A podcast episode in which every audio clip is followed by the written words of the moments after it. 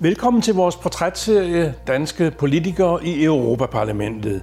Hvordan er hverdagen i Bruxelles og Strasbourg i en turbulent tid med coronapandemi, med vaccineproblemer og bølger efter Brexit?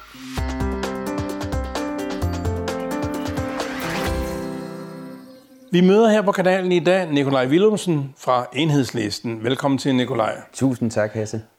Problemerne øh, ja, de er så blevet lidt forstærket af, af, af corona. Hvordan øh, oplever du det at rejse mellem Bruxelles og Strasbourg og København, hvor du bor nu om dagen?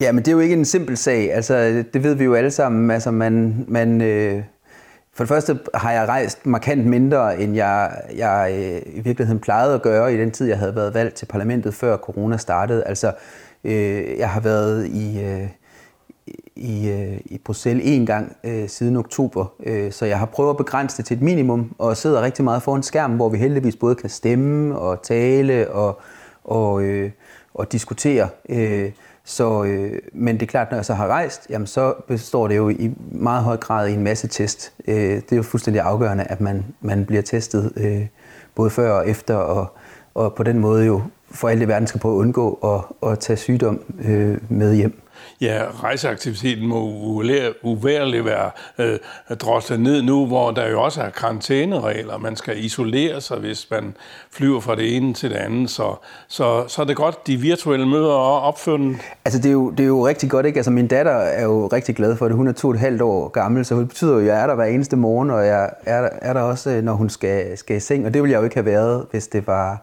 var normalt. Til gengæld så... Øh, så må jeg så personligt indrømme, at det kan godt blive lidt stressende at sidde der øh, øh, og, øh, og have et møde med en EU-kommissær, mens man har en datter, der slår i gulvet inde ved siden af. Ikke? Så, så det er sådan en, øh, der er både nogle fordele og nogle, øh, nogle udfordringer.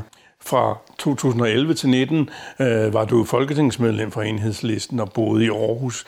Nu har du et barn, og jeg kan forstå et andet er på vej i de her dage. Ja, der, der, til, til maj så får vi øh, en, øh, hvad de siger, er en, en ekstra lille datter, så det glæder vi os vanvittigt meget til.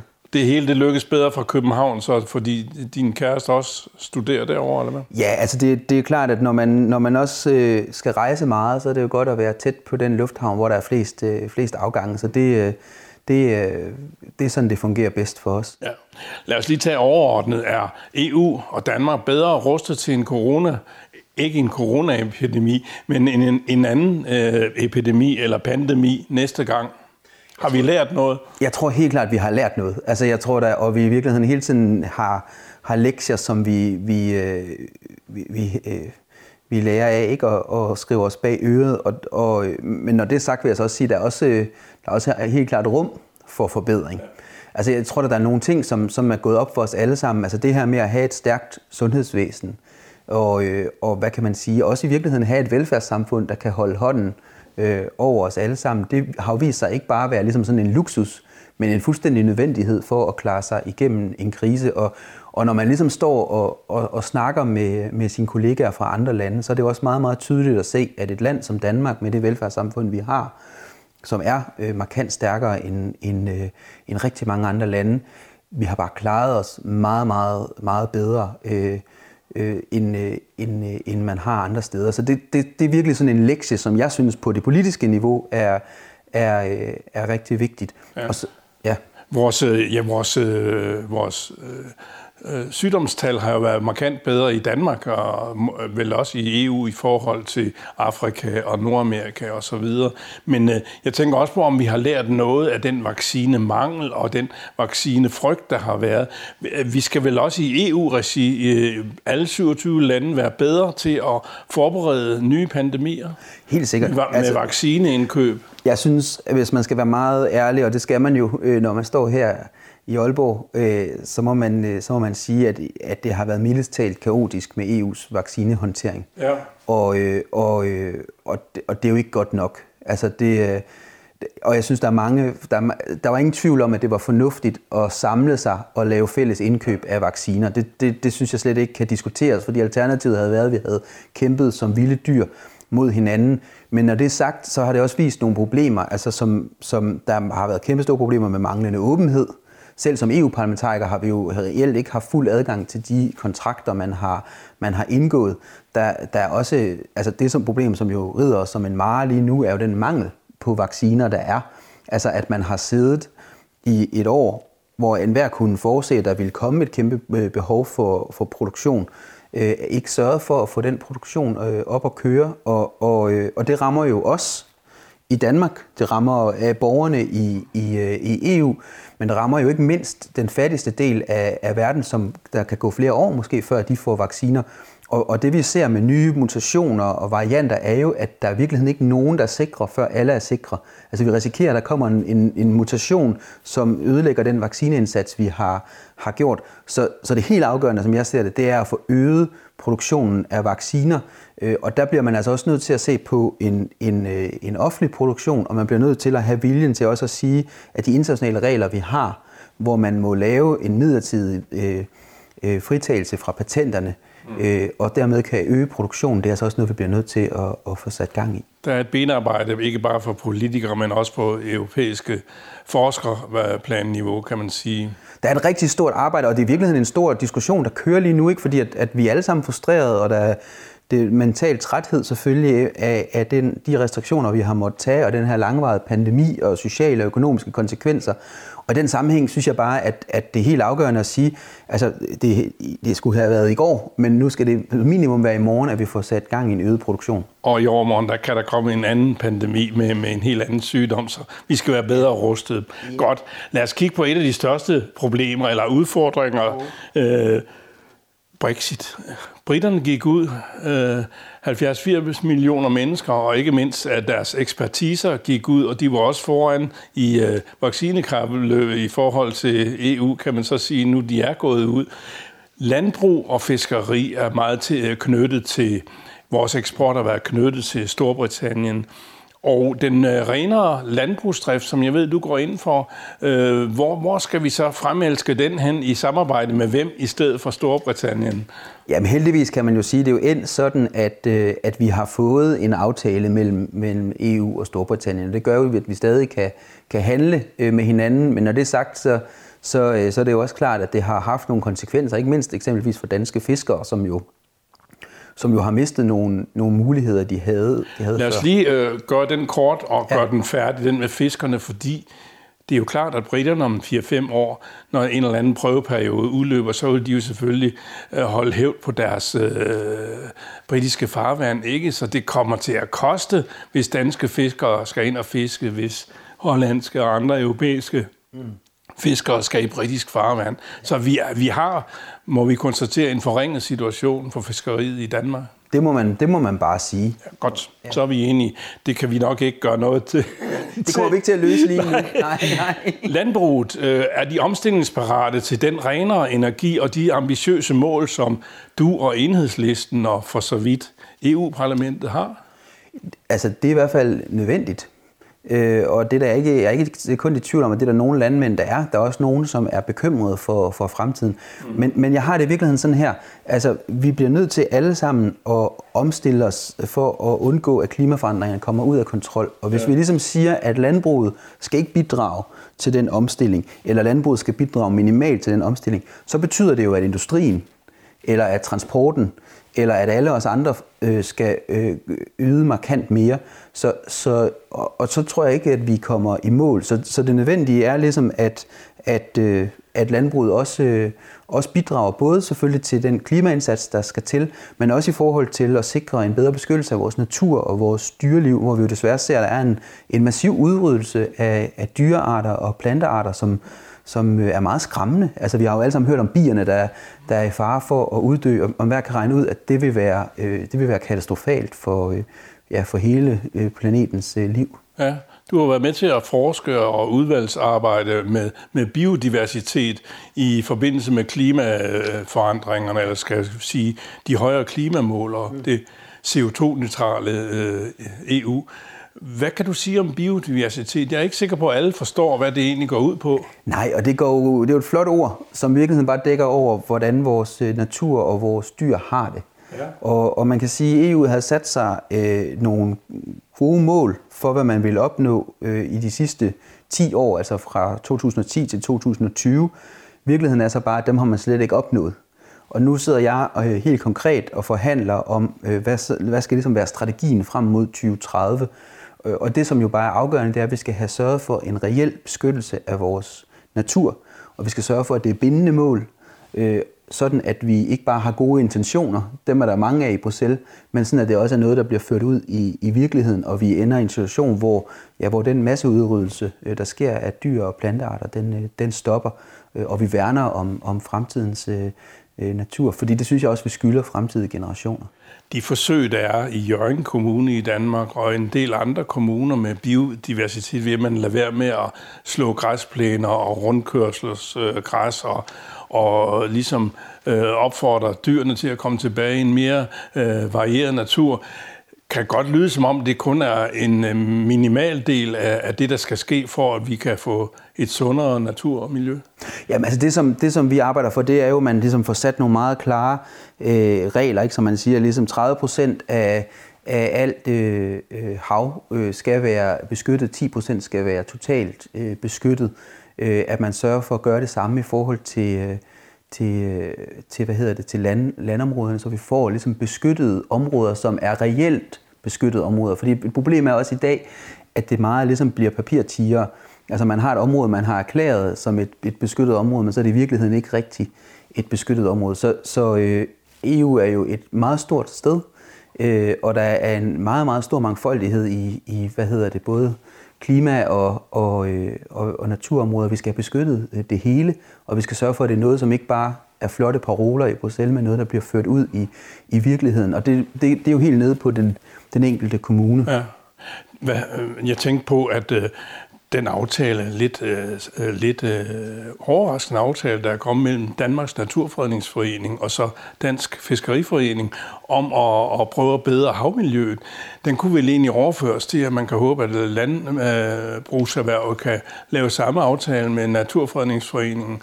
Men kan du se, at vi kan brede en øh, ambitiøs plan for biodiversitet og renere klima til Ungarn og Polen, for nu at tage nogle fjernere eksempel i, i EU-regi? Jo, men altså eksempelvis er det jo sådan, at, at Polen har det eneste sådan fuldstændig urørte skov, altså helt urskov. Øh, det findes i, øh, i Polen, det eneste sted i, i EU. Så, så der er jo, det er ikke sådan, at, at vi i Danmark er foran på, på alle områder, øh, men det er klart, at, at desværre er situationen sådan, at stort set alle steder er naturen og dyrene øh, dyrene troede. Jeg synes, at, at det her eksempel med Danmarks Naturfredningsforening, der går sammen med Fiskeriforeningen, er jo eksemplarisk. Og, og det viser jo også, at der er en vilje fra fiskeriet, og jeg er helt sikker på, at der også er en vilje fra, fra, øh, fra landbruget. Og helt grundlæggende, så kan man sige, at vores natur kan bare heller ikke rigtig holde til det. Altså hvis vi bare fisker løs i havene, uden at tænke på, øh, hvad der er af fisk øh, i morgen eller næste år, jamen så kommer vi til at ødelægge havene. Hvis vi gør det samme med vores, øh, vores, vores landområder, jamen så ødelægger vi vores, vores landområder. Det er jo den lektie, vi i virkeligheden har lært, og det er det, som, som gør, at vi bliver nødt til at handle nu. Hvis vi nu holder fast med eksemplerne fra Ungarn og, og Polen, så kunne jeg også godt forestille mig, at det kommer lidt op ad bakke for dine idealer om, at vi skal udfase langsomt øh, benzinbilerne og, og olie og gas og, og kul. Altså, det er de meget afhængige af i Østeuropa. Jo, men altså, altså et sted at starte var jo at sige, at EU skulle være med at give støtte til øh, gasprojekter og olieprojekter. Og det er jo noget, som vi slås meget, meget hårdt for. Altså det giver jo ingen mening, at man har en øh, genopretningsfond øh, og et EU-budget på, jeg tror det er samlet 13.000 milliarder, og så bruger man nogle af de penge til at trække i den fuldstændig forkerte retning. Altså at man bruger penge på at ødelægge vores natur i stedet for at redde vores natur, man bruger penge på at ødelægge vores klima i stedet for at redde vores klima. Så det er jo et oplagt sted at starte, fordi fordi at, jeg tror også i virkeligheden er, at i Danmark har vi nogle rigtig gode erfaringer med, at grøn omstilling giver arbejdspladser og skaber, skaber øh, tryghed. Altså det har vi jo gjort ved, at man under oliekrisen fik sat gang i vindmølleprojekter og, og, øh, og energispareprojekter, som gør, at nogle af de største arbejdspladser i Danmark i dag, det er dem, der producerer vindmøller, det er dem, der øh, producerer termostater og, og øh, Øh, og, og på den måde, så, så ligger det, tror jeg, dybt hos os herhjemme. Selvom vi kan have store slagsmål, så har vi en erfaring med, at, at grøn omstilling faktisk skaber arbejdspladser. Den omstilling, eller den, den erfaring har man ikke nødvendigvis i, øh, i Østeuropa, men der kræver det selvfølgelig så, at man, man, man laver en politisk prioritering, hvor man siger, det vi vil støtte, det er, at I kan bygge vindmøller, men hvis I vil bygge kulkraftværker, så får jeg altså ikke støtte fra, fra EU. Vi har for nylig været nede og faktisk lavet øh, tv-dokumentar om Nord Stream 2, øh, den øh, tysk-russiske gasledning fra er det Leningrad, Stalingrad og så ned til, til den tyske østkyst.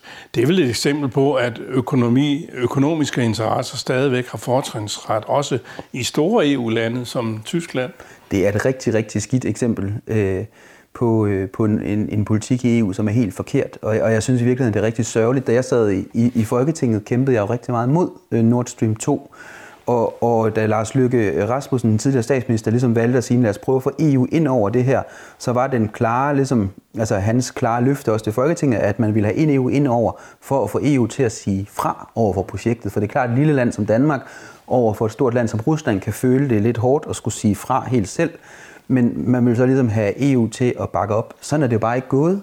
Altså, den kamp, den fortsætter vel uh, trods alt, selvom uh, Nord Stream nok bliver indvidet? Den, den, den kamp, den fortsætter, altså, og, det, og det, der gør jeg jo alt, hvad jeg overhovedet kan for at, at stoppe det projekt, fordi problemet med at bygge en gasledning er jo, at, at, at det er et projekt, der binder os til at bruge gas i rigtig, rigtig mange år frem. Og det skal vi ikke. Vi skal have bygget vindmøller, vi skal have bygget varmepumper, vi skal have øh, sat solceller op. Vi skal gøre det, sådan, øh, som der skal til for at lave den nødvendige grønne omstilling. Og at vi kan nå klimamålene inden for EU's regi. Præcis. Ja. Øh, Nikolaj Willemsen, hvad med social øh, dumpning? Det er et af dine andre hovedmål, at få stoppet det. Kan du lige eksemplificere det? Hvad er, hvad er det, vi skal? Jamen helt konkret, altså vi har jo kæmpe store problemer med social dumping. Jeg tror rigtig mange, der sidder derhjemme og følger med i det her, øh, kender det. Altså der er et kæmpe pres på løn- og arbejdsvilkår rundt omkring på, på danske arbejdspladser, hvor man oplever, at udenlandske kollegaer bliver groft øh, underbetalt og, og udnyttet.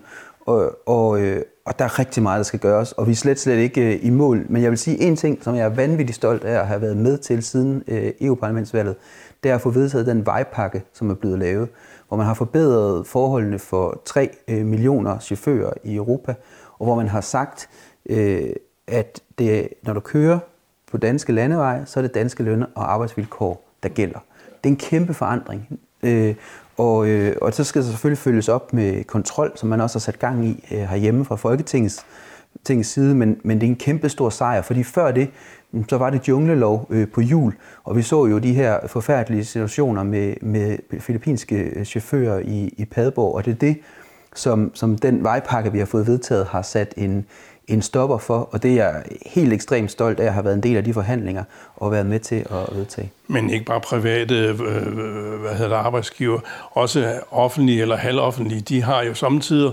eller det er jo mere været regel end undtagelsen, brugt udenlandsk billig arbejdskraft, altså Storebæltsbroens byggelse og metroen i København, ikke? Og lurer mig om ikke, der kommer en Femern-forbindelse, ja. hvor man også får billig arbejdskraft uden for ja. EU. Og, og der, der er en ting, som er enormt vigtig, som vi, vi kæmper med lige nu, Hasse, og det er, det er muligheden for at frasortere fuskerselskaber, når man laver offentlig udbud. Altså, når man i Aalborg Kommune laver et offentligt udbud, jamen så er det jo sådan i dag, at hvis man har en virksomhed, som man ved ikke følger gældende overenskomst, og man ved øh, ligefrem måske snyder i skat, så har man ikke lov til at fravælge dem. Nej. Og det giver jo ingen mening. Det skal jo være demokratisk muligt for byrådspolitikere og regionalpolitikere og selvfølgelig også øh, folketingsmedlemmer at træffe de beslutninger. Så det er sådan en ting, hvor man kan sige, at der er nogle EU-regler, der i virkeligheden står i vejen for en, en effektiv indsats mod social dumping, og det giver jo ingen mening. Det skal ændres der er, jeg kan høre, at du er engageret i at få øh, ændret nogle øh, meget nalfaste EU-regler, så det er Præcis. jo godt. Ja, ja, ja. Øh, det... Du, en lige så svær opgave er måske din tredje hovedprioritet at, at få en, sat en ende for skattely i Danmark og i EU øh, øh, generelt. Hvordan vil du gøre det? Jamen altså et, et helt oplagt sted at starte, det var jo at sige, at alle de penge, som EU bruger i sit budget, og ikke mindst man bruger i sin, den store genopretningspakke på, på 5.000 milliarder kroner, at der er ikke nogen af de penge, der går til virksomheder, der opererer i skattely. Hvis du ikke vil bidrage til fællesskabet, så skal du selvfølgelig heller ikke reddes af, af fællesskabet. Øh, og, øh, og det er en kamp, som, som vi eller jeg har kæmpet rigtig hårdt, mm. og hvor, øh, hvor vi, altså det er stadig ikke endnu afgjort, men, øh, men vi gør alt, hvad vi overhovedet kan, fordi jeg synes, jeg synes i virkeligheden, det, det er jo sådan, essensen af, hvad man bør kunne forlange som, som, øh, som skatteborger, at, at, øh, at de virksomheder, som, øh, øh, som ikke vil bidrage til fællesskabet, de heller ikke skal, skal hjælpe sig også. Vi har jo en dygtig dansk øh, konkurrencekommissær, øh, Margit Vestager fra det radikale venstre. Hun har givet en milliardbøder til Google og Facebook og Microsoft og jeg ved ikke hvad. Men det ser ikke ud til at hjælpe. Hvad skulle du kunne hjælpe, Nikolaj? Jamen altså, altså, altså jeg, jeg, øh, jeg, jeg synes jo, det er rigtig godt, at hun gør det. Men, ja. men, men, men altså, og jeg prøver jo at gøre alt, hvad jeg kan fra ja. min lille pind øh, i EU-parlamentet. Og som selvfølgelig er, og, og helt konkret, altså, er jeg glad for, at det lykkedes at skabe opbakning i EU-parlamentet til det her krav om, at virksomheder i skattely ikke skal, skal, øhm, skal have øhm, skal have del af genopretningspakken, mm. så er det så afgørende selvfølgelig, at den danske regering og de andre regeringer, og også EU-kommissionen og Margrethe Vestager, følger op på, på det krav, og det håber jeg rigtig meget, at de, øh, at de gør, fordi at, at øh, altså, den her krise har jo, og den her pandemi har jo vist, at, at, øh, at vi har brug for, at der, der er et stærkt fællesskab, der holder hånden over os mm. øh, og under os i, i kriser. Og dem, der ikke vil bidrage til det, dem, dem synes jeg, det bliver nødt til at mærke en konsekvens. Lad os brede lige EU her lidt til sidst. Øh, brede EU ud. Øh, øh, hvordan ser du EU's samarbejde med FN, NATO og USA i fremtiden? Skal vi være tætte partnere i alle tilfælde? Altså, jeg synes, at, øh, at det er enormt vigtigt, at EU bakker aktivt op omkring Øh, FN. Altså vi har jo set, hvad kan man sige, i virkeligheden, hvor galt det kan gå under Trump. Altså med en Trump, der melder USA ud af, af Paris-aftalen, som er jo en FN-aftale, og ligesom i virkeligheden øh, er i gang med at, at skabe en krig den ene dag og en ny krig den anden dag, og man er enormt bange. Øh, og, og det synes jeg jo viser, at et lille land som Danmark vi har bare en enorm stor fordel af, at der er nogle klare internationale regler, så der ikke er en Putin, der lige kan invadere, eller en, øh, en Trump, der lige kan gå, øh, gå amok. Og, og nu er han heldigvis blevet afløst af Joe Biden, som præcis. har fået os ind i klimaaftalen, eller USA ind i klimaaftalen ja. igen. Og det er godt for Danmark, det er godt for EU og for hele verden vel, at USA er med igen på Ek- mange fronter. Ekstremt vigtigt. Altså fordi for det første, hvis vi skal nå i mål med den nødvendige grønne omstilling, så skal amerikanerne være med. Mm og, øh, og, øh, og, og for det andet, altså så fordi at, at, øh, øh, ja, at det er det er rigtig godt, at det ikke er Trump, der sidder ved bordhænden længere i USA, og Biden, som, som selvfølgelig er markant lettere at samarbejde med. Men når det er sagt, så synes jeg også, det er en vigtig pointe, at vi, vi skal huske i Danmark, også at tænke på, hvad der er vores egen interesse, fordi øh, amerikanerne kan også have nogle interesser, som ikke, altså ikke umiddelbart er, er vores. Øh, og, og noget, som vi jo eksempelvis sidder og diskuterer, det er ligesom øh, i EU-parlamentet, er det smart at, at sælge våben til et, et regime som Saudi-Arabien, der begår grove krigsforbrydelser i Yemen og destabiliserer Mellemøsten? Det kan godt være, at amerikanerne vil det, men det er jo noget af det, der kan føre til øh, flygtningestrømmen, kan føre til kaos i vores nærområder. Så der skal vi jo have en selvstændig i politik og tør også, øh, også sige, hvad vi selv mener. Vil øh, enhedslisten og du have, hellere have et selvstændigt Danmark end et Danmark i EU? Jamen, altså, jeg synes, at vi skal samarbejde europæisk. Øh, men jeg synes, at EU har nogle kæmpe store problemer, øh, som jeg knokler for at, at gøre noget ved. Og jeg synes, det ville være godt, at vi havde et større demokratisk råderum. Altså, men øh, du og enhedslisten vil gerne blive i EU? Altså, altså enhedslisten synes jo, det ville være fint, at vi fik et, eksempelvis lov at øh, bestemme vores egen arbejdsmarkedspolitik, sådan at vi, vi ikke får en lovbestemt mindsteløn, som EU-kommissionen presser, presser for. Øh, og det synes jeg er sådan et eksempel på, at vi i virkeligheden har et kæmpestort problem med, at EU ikke tager hensyn til den sådan særlige arbejdsmarkeds- og, og velfærdssamfund, som vi har, vi har bygget. Så jeg så gerne, at EU bestemte langt mindre, og jeg så gerne, at vi kunne bestemme langt, øh, langt mere i, øh, i Danmark. Jeg er ikke tilfreds med, hvordan, øh, hvordan EU er, men jeg sidder i EU-parlamentet for at prøve at ændre det mest muligt i en rød og en grøn retning vores arbejdskraft kan vi selv styre, mener du. Og så vil du arbejde for klimaforbedringer i EU-regi og for og afskaffelse af skattely og for social dumping, afskaffelse af det også. Præcis. Ja. Det er helt rigtigt. Nikolaj Willumsen, du får et par albuer her. Tak for din deltagelse. Selv tak. Det var Nikolaj Willumsen fra Enhedslisten, medlem af Europaparlamentet, der var vores gæst i dag. Der kommer nye gæster fra EU-parlamentet senere. Tak for nu og på gensyn.